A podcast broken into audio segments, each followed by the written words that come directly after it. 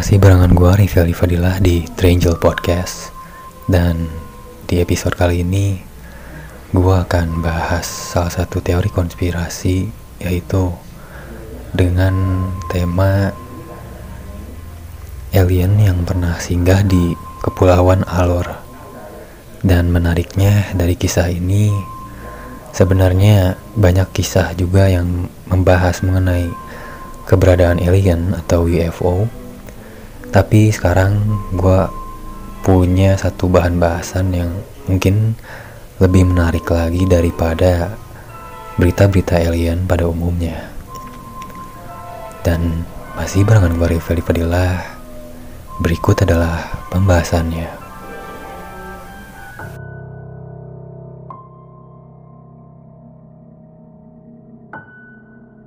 Alien adalah hal yang tidak pernah habis diperbincangkan Baru-baru ini terdengar kabar bahwa seorang ilmuwan yang mengaku pernah bertemu alien di Area 51.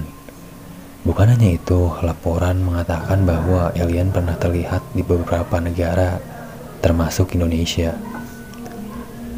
Menurut pendiri komunitas Beta UFO, Bayu Yunantias Amus, alien pernah beberapa kali menampakkan diri di wilayah Indonesia dan dihubungi oleh CNN Indonesia pada hari Jumat, Oktober, Bayu menceritakan beberapa kisah terlihatnya sosok alien di Indonesia.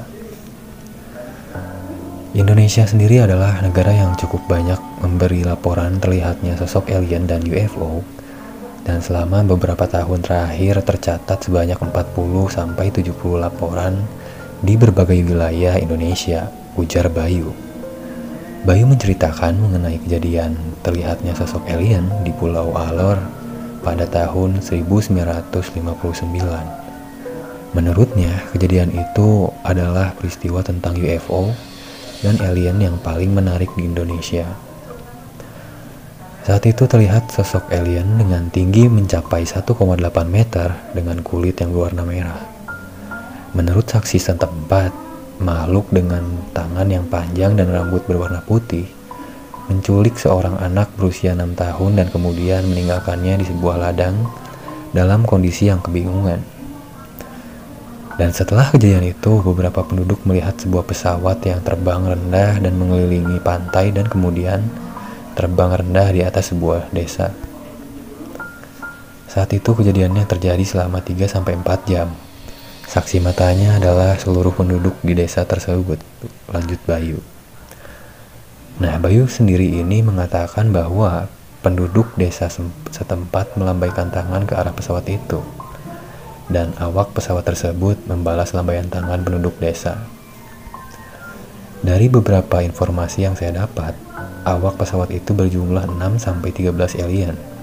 Dan pesawat itu berbentuk menyerupai sebuah telur yang besar, ujar Bayu. Namun, tidak ada bukti otentik yang menunjukkan kebenaran cerita ini. Bukan hanya di Pulau Alora, bukan hanya di Pulau Alora saja, tapi di Jogja pun pernah dilaporkan didatangi oleh alien. Di Sleman tepatnya, pernah terdapat crop circle yang awalnya diduga kuat sebagai jejak alien di Indonesia. Namun, tidak lama kemudian seorang mahasiswa mengklaim bahwa crop cycle itu adalah hasil pembuatannya. Hal ini pun dilakukan hanya untuk mencari sensasi belaka. Laporan terlihat laporan terlihatnya UFO dan alien terjadi di berbagai daerah di Indonesia, mulai dari Pulau Sumatera sampai Pulau Papua. Untuk melihat lebih jelas laporan mengenai temuan makhluk asing ini, bisa diakses melalui halaman jejak alien di Indonesia. Kalian bisa searching di browser mana pun itu mengenai jejak alien di Indonesia. Mungkin dengan referensi tersebut kalian bisa lebih membaca, mendalami dan juga dapat fakta-fakta menarik dari kisah tersebut. Nah, sampai saat ini sebenarnya keberadaan UFO sendiri masih banyak diperdebarkan di dunia internasional. Bahkan seorang profesor asal Inggris menyangkal keberadaan makhluk ini. Proses biologis yang menyebabkan kehidupan cerdas di bumi hanyalah kebetulan semata dan tidak mungkin terulang di tempat lain di alam semesta, ujar Brian Cox, profesor dan ahli fisika dari University of Manchester. Hanya ada satu peradaban teknologi maju di galaksi ini dan itu adalah kita sebagai manusia.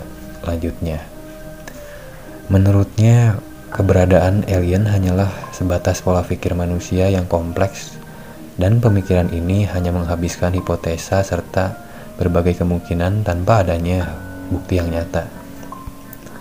Berbeda dengan Brian Cox, ahli fisika Stephen Hawking mengklaim bahwa alien adalah hal yang nyata dan Hawking juga percaya bahwa terlalu berisiko bagi manusia jika ingin berkomunikasi dengan mereka sebagai makhluk asing yang belum pernah kita temui sebelumnya. Nah, Hawking membayangkan bahwa alien ada di dalam sebuah pesawat besar yang di dalamnya terdapat peralatan canggih dengan sumber daya modern yang dibawa dari planet asalnya. Alien juga menurut Hawking memiliki sifat penjelajah. Para makhluk asing ini akan mengeksplorasi setiap planet yang masuk dalam jangkauan mereka dan ini bisa berbahaya jika mereka sampai ke bumi. Kepercayaan Hawking terhadap alien memang tidak seperti kepercayaan pada Tuhan. Bahkan dalam sesi wawancara dengan surat kabar Spanyol, ia menjelaskan bahwa kepercayaan terhadap Tuhan sebagai pencipta alam itu diciptakan oleh mereka yang tak memahami ilmu pengetahuan. Sampai saat ini, perdebatan mengenai alien masih menjadi perbincangan baik di Indonesia maupun dunia internasional. Ya, saya sih sedikit tertuju sedikit setuju dengan artikel ini bahwa mungkin uh, sampai saat ini perdebatan mengenai alien itu sendiri masih menjadi sebuah perbincangan yang sangat menarik atau juga bisa dikualifikasikan dengan teori konspirasi yang sudah berangsur lama sejak kejadian Roswell kalau gua nggak salah uh, baca gitu di artikel.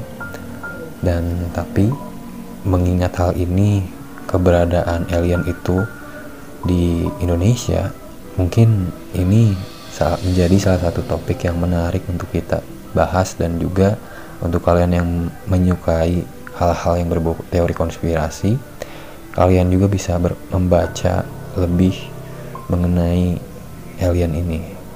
Ya mungkin pada akhirnya kalian pun akan tertarik untuk mempelajarinya dan gue gak bakal bosen nih untuk ingetin kalian untuk kirim cerita horornya ke alamat email trianglepodcast17 at gmail.com atau di rayfialdi.fadilah atau juga kalian bisa uh, kirim DM Instagram untuk memberi referensi bahasan yang akan gue tayangkan di episode selanjutnya.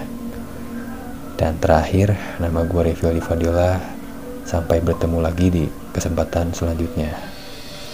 Goodbye, listeners.